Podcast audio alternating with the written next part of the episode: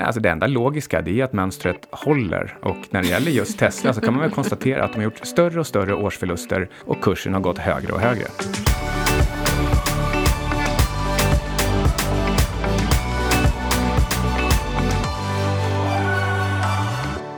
Hej, du lyssnar på Outsiders med Syding och Svan.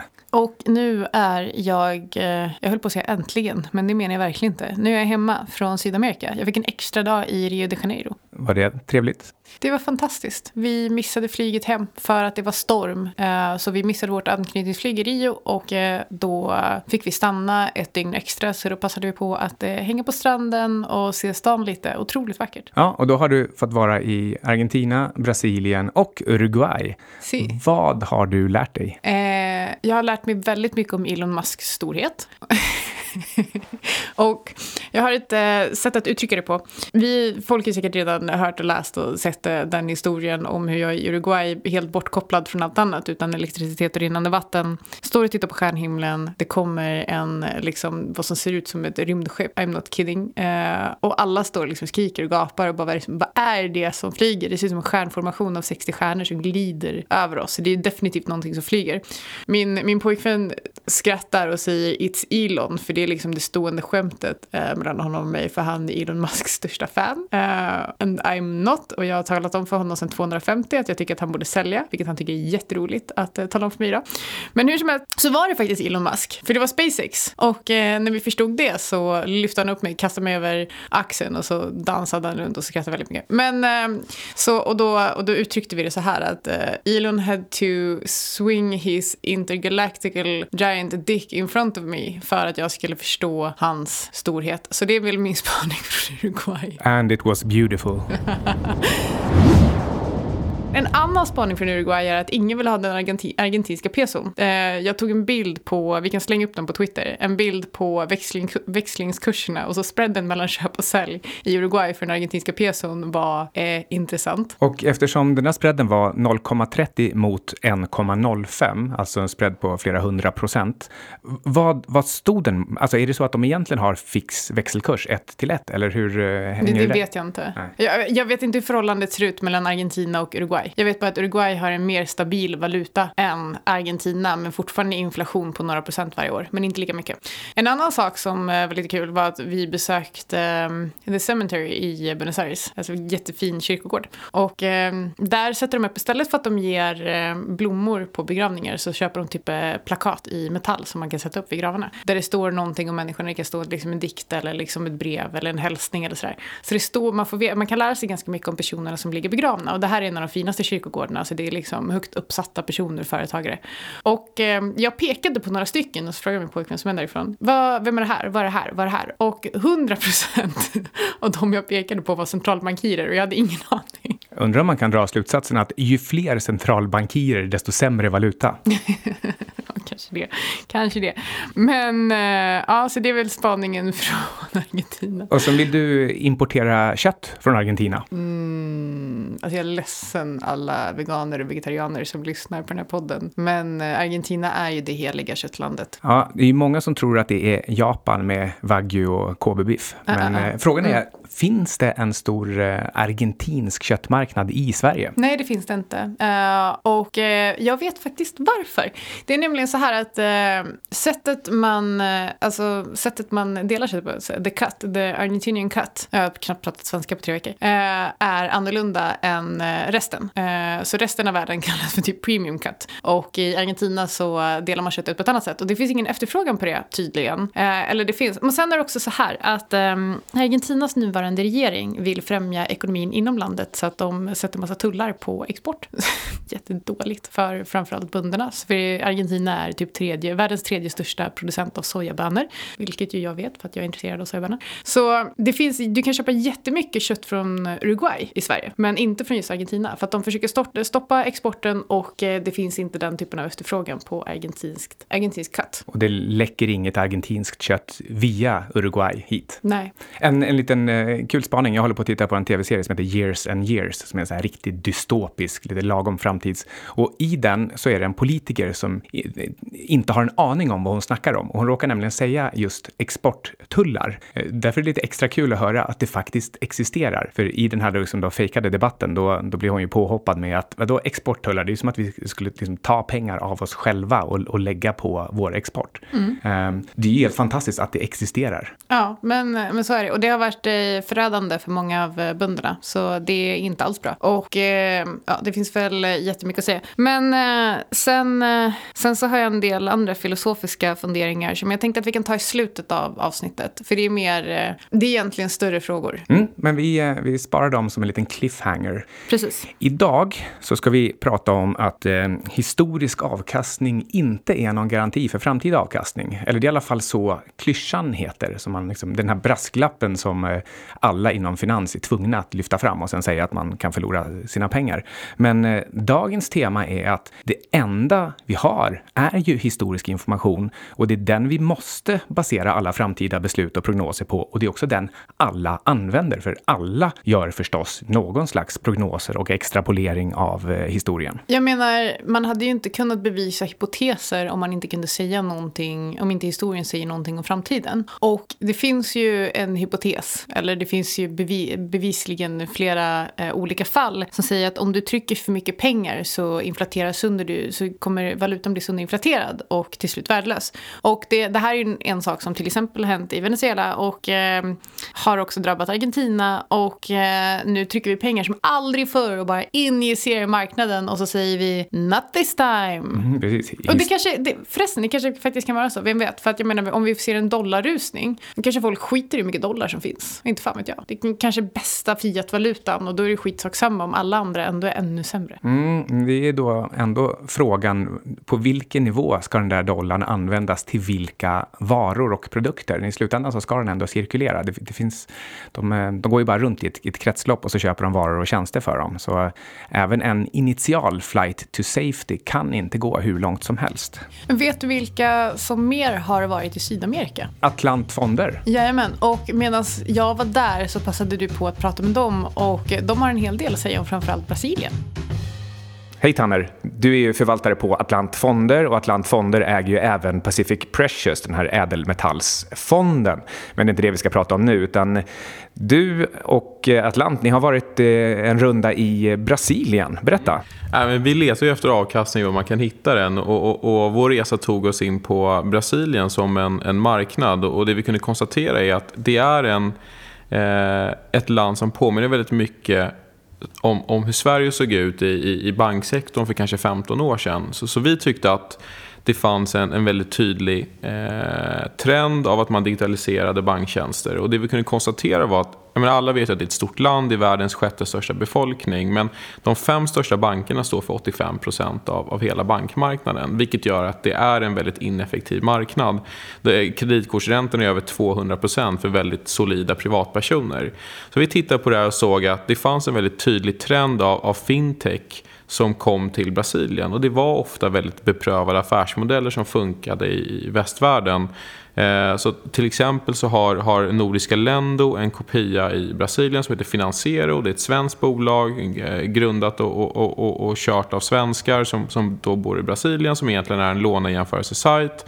Det finns andra liknande idéer där man har tagit någonting som funkar här och applicerat det på en marknad som är betydligt större. Eh, så det är egentligen det som har fått oss att leta efter sätt för oss att ta exponering mot den här supertrenden av eh, digitalisering, en marknad där medelåldern är, är, är, 32 och alla är, det är världens fjärde största smartphone-marknad. Så befolkningen är väldigt smartphone-litterär. Eh, det är bara banksektorn som, som egentligen är eh, väldigt, eh, väldigt trög och väldigt eh, eftersatt när, när det gäller teknologi.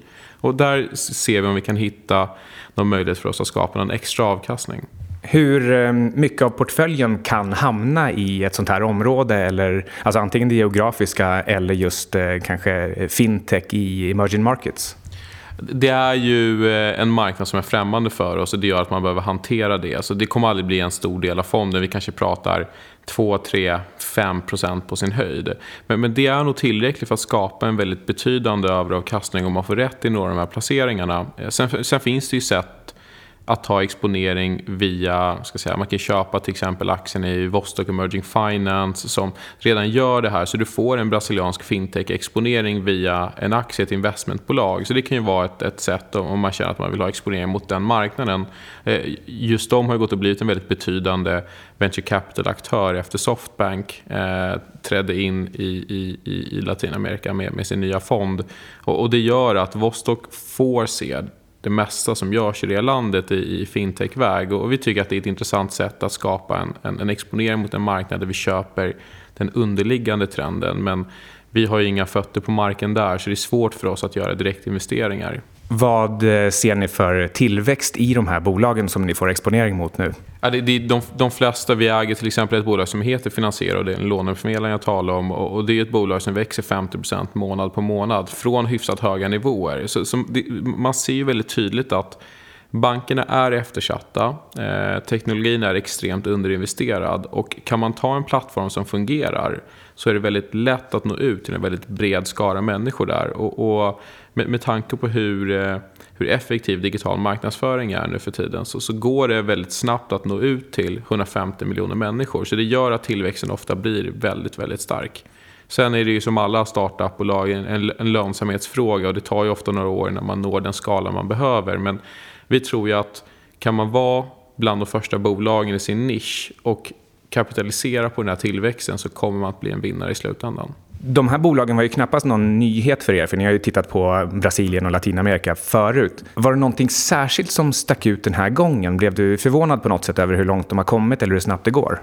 Det, det som förvånade mig mest var hur, vilken ketchup-effekt det blir när, när man tar en aktör som till exempel då finansierar och som börjar få med sig ett par bankpartners. När alla andra stora banker ser att deras konkurrenter eh, knuter sig till Financieros tjänst så blir det en ketchup-effekt där alla måste vara med på plattformen helt plötsligt. Och jag tror att vi, vi underskattade hur pass smartphone-erfarna befolkningen är och hur pass snabba befolkningar tar till sig digitala tjänster. För man ser nu att de som är de som skapar flaskhalsen i fintech-sektorn i Brasilien är egentligen bankerna. För kunderna vill ha det, Eh, det finns leverantörer av tjänsterna, det är egentligen bankerna som är långsamma i implementeringen. Och det förvånade oss att det fanns en sån omedelbar efterfrågan på digitala banktjänster. Tack så mycket, Tanner Pickdöken, förvaltare på Atlant Fonder.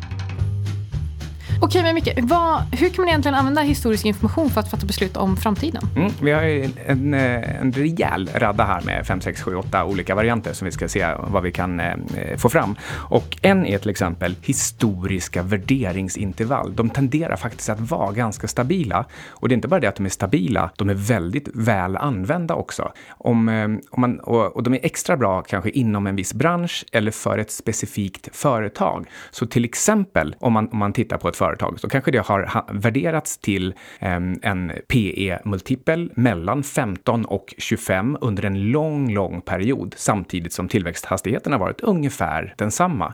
Då kan man faktiskt förvänta sig med ganska stor säkerhet att den kommer inte gå mycket lägre än, än 15 och den kommer inte gå mycket högre än, än PE 25 heller. Och det här kan man göra för alla möjliga olika värderingsmultiplar till man hittar en som faktiskt har ett ganska stabilt intervall. Vet du vilket bolag det här inte stämmer för? Hennes och Maurits. Tesla. Tesla.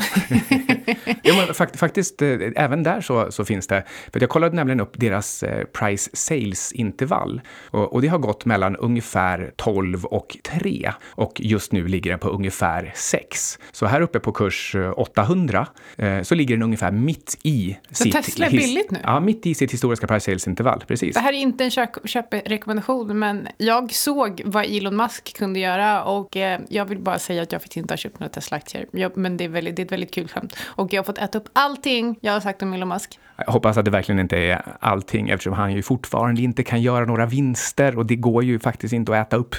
Skitsamma. Men, men en, eh, en annan sak som, eh, som man ju brukar lyfta upp, eh, som man faktiskt brukar lyfta som exempel när det kommer till hur man väljer fonder, som man skulle kunna dra paralleller till bolag. Och det är ju att titta på, om en fond har presterat bra, titta på att det fortfarande är samma förvaltare. Och har förvaltarna flyttat så kanske du är mer intresserad av den nya fonden för att du är mer intresserad av förvaltarnas prestation snarare än fonden i sig, för att fonden avspeglar ju bara egentligen hur väl förvaltarna presterat.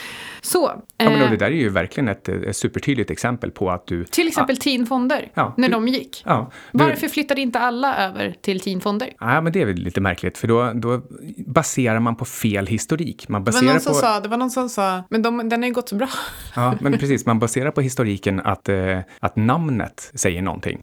Alltså den gamla, gamla Mm. Det var fel. Det säger, den historien säger ingenting om framtiden. Nej, alltså, så det, det, det är en det är viktig inte poäng alla här. Att, historier som säger någonting nej, om att framtiden. välja, välja rätt. Och det gäller ju också att välja att det inte är självklart att eh, till exempel en stigande kurs betyder fortsatt stigande kurs. Det är, inte, det är inte så enkelt det handlar om, utan man måste hitta mönster. Och då kan det ju lika gärna vara att om P-talet är 25, då är det dags för det att börja ticka ner mot 15 igen. Som vi säger så här, andra derivaten i Teslas försäljning är negativ. Då kanske vi skulle kunna koppla det till att om försäljningen faktiskt börjar vika mer igen, då kanske aktiekursen borde stå i 1200 dollar.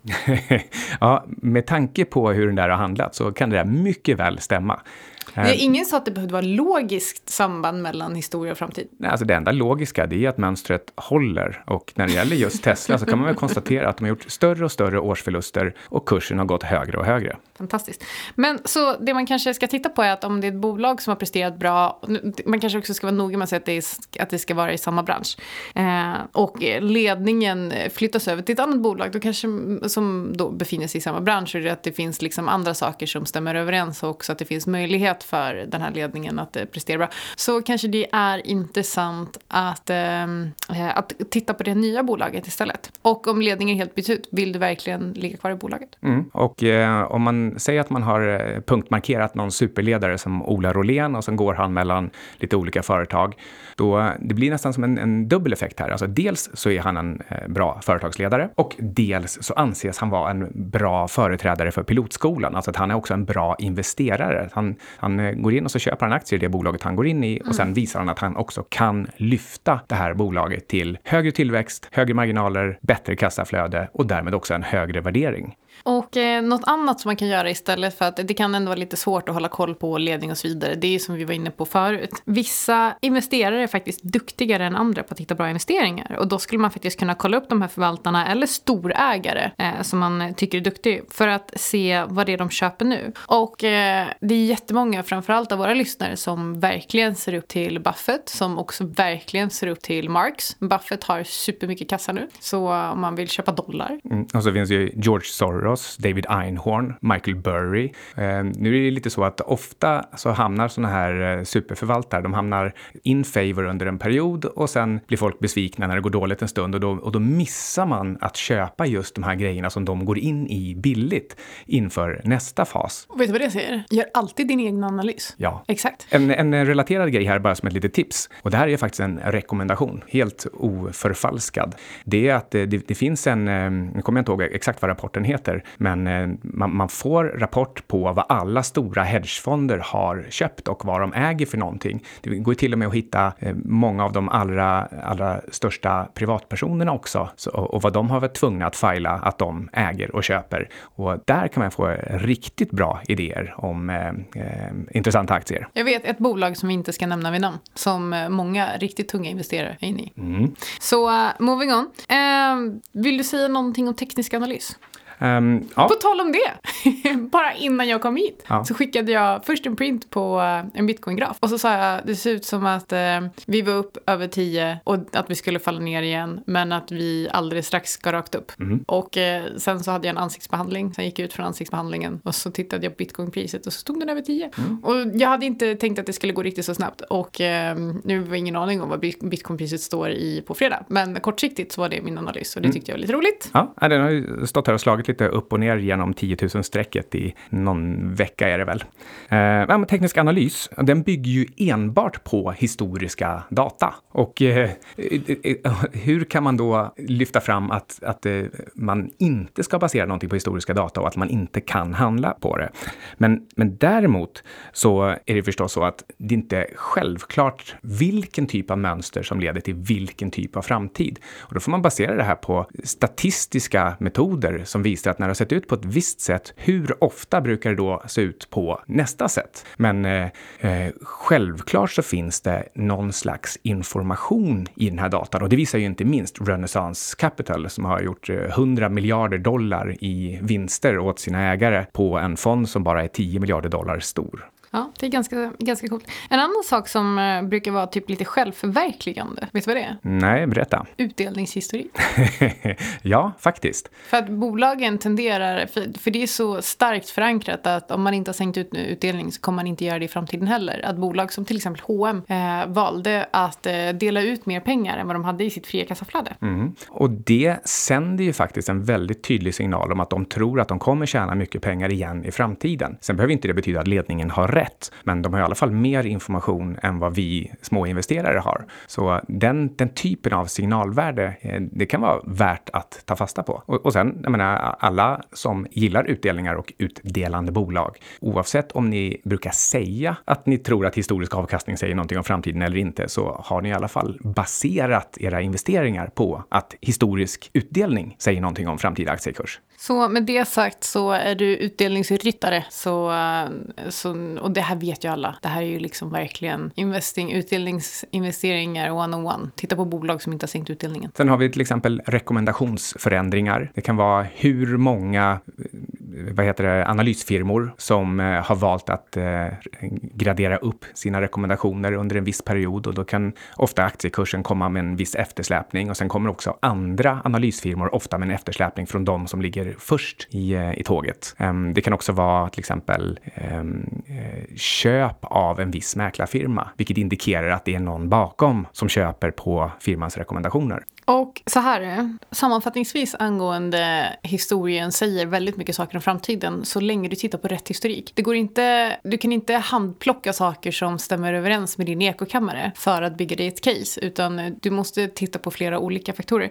Det är att om du inte kan använda historiken så kan du inte använda någonting. Nej, för Hur då... gör man en analys då? Ja, precis. Det är därför jag tycker att det är så fantastiskt paradoxalt det här att, att själva uttrycket ens existerar. Allt vi har är ju historiken. Det handlar ju mer om liksom en friskrivning från eh, olika finansinspektioner håll. Ja. Att vi inte får ge rekommendationer. Det är konstigt. Vi borde kunna kommunicera på ett annat sätt. Ja, men med tanke på att vi lever i en värld där man måste berätta att häll inte ut kokande vatten i knät för då kan du bränna dig. Så ja, förstår man att man måste säga sådana här saker också. Att om du köper aktier kan du förlora pengar. Men, ja, men precis. För det, för det handlar väl framförallt om, precis som vi sa innan, vilken historik är det du tittar på? Vad säger den om vilken framtid? För en stigande aktiekurs ger som som alla vet inte per automatik en stigande aktiekurs. Men stigande vinster eller en, eh, eller till exempel så här, om ett bolag har haft eh, marginaler mellan eh, 45 och 50 procent i tio år och de inte kommunicerar att de ska jobba för att höja eller sänka marginalerna, då kan vi nog räkna med att marginalen i nästa rapport också kommer vara någonstans mellan 45 och 50 procent. Sen så kan man fundera på hur kommer försäljningen att utvecklas? Mm. Och självklart så kan man bli överraskad ibland, både företaget och en själv. Men eh,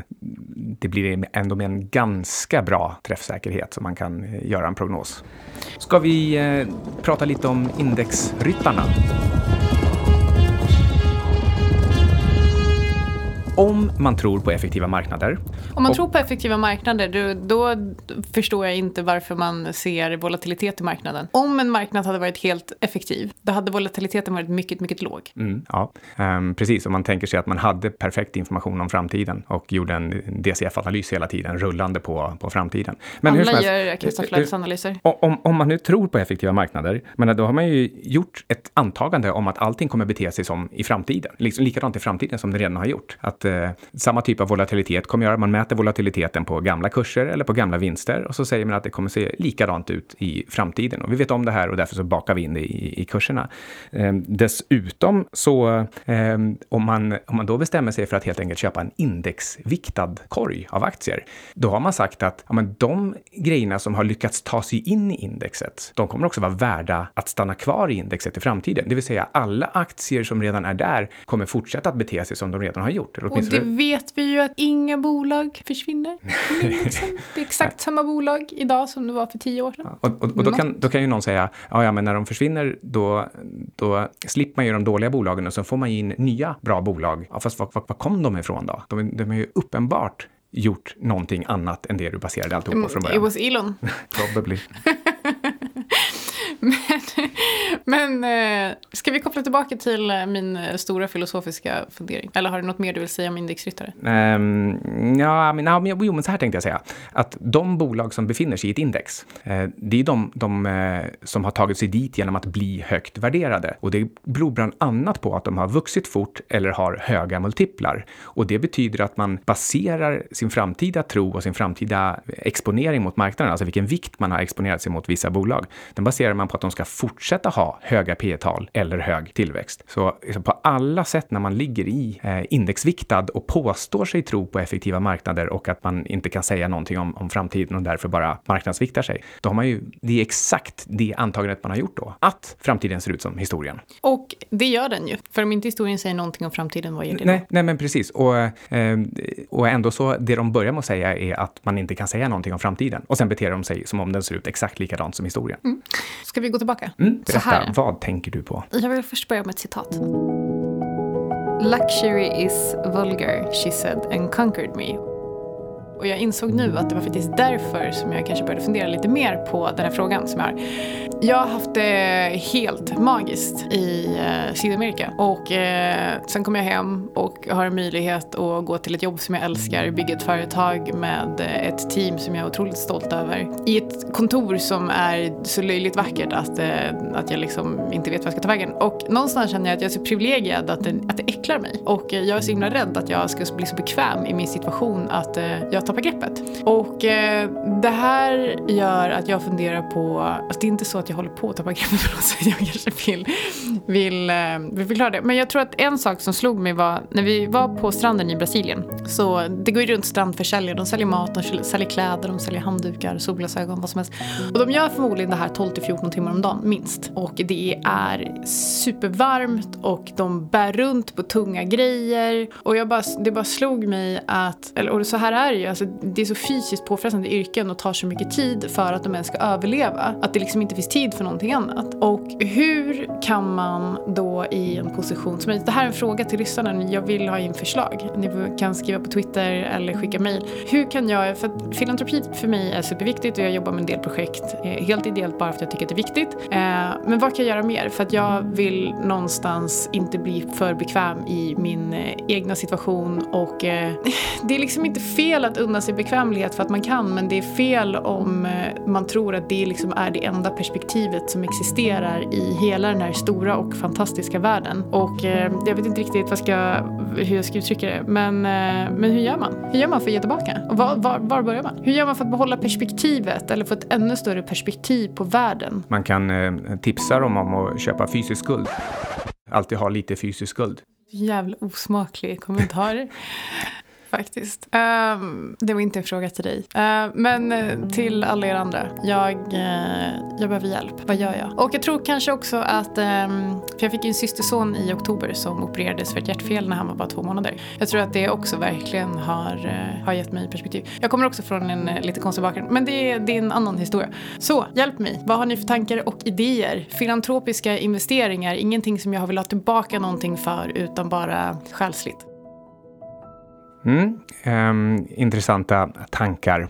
Avslutningsvis så tror vi att man kan göra bättre investeringar om man kan mycket om eh, historien. Men eh, till exempel bara en sån sak som att veta om att marknaden tenderar att bilda såna här blow-off tops eller att det ibland kommer krascher på 50 procent. Vissa av dem är mer baserade på värderingar, andra är baserade på finanskriser. Ehm, om man vet att vissa företag består av eh, rent fraud som Theranos eller Enron så kan man hålla utkik efter olika mätmetoder för om ett företag verkar eh, vara eh, bedrägligt, till exempel hög personalomsättning bland ledningen eller vissa typer av eh, finansiella scores som man kan titta på som, eh, som mäter hur balansräkningen ändras. Vet man om sådana här saker, då gör man också bättre placeringar med lägre risk i förhållande till den potentiella avkastningen. Så med det här programmet vill vi helt och hållet slå hål på det här, den här fullständigt onödiga och eh,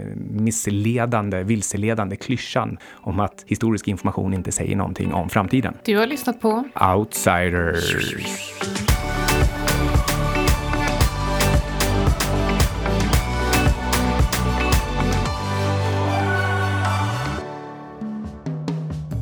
Ingenting som du har hört i uh, Outsiders har varit någon typ av uh, rekommendation. Så hur du än gör, försök inte få det till en rekommendation heller, utan alla placeringar är förknippade med risk som gör att du kan förlora hela eller delar av ditt kapital. Vi äger emellanåt eh, vissa av tillgångarna som vi diskuterar i den här podcasten och eh, våra sponsorer tar inget som helst ansvar för hur du handlar i de tillgångarna. Podcasten är menad för information och underhållning, även om vi förstås själva gör så gott vi kan när vi tittar på de olika tillgångarna. Och vill man veta mer så kan man gå in på sygcap.com eller på sydingsvan.com för att signa upp sig på vårt nyhetsbrev som vi skickar ut varje söndag. Hej då.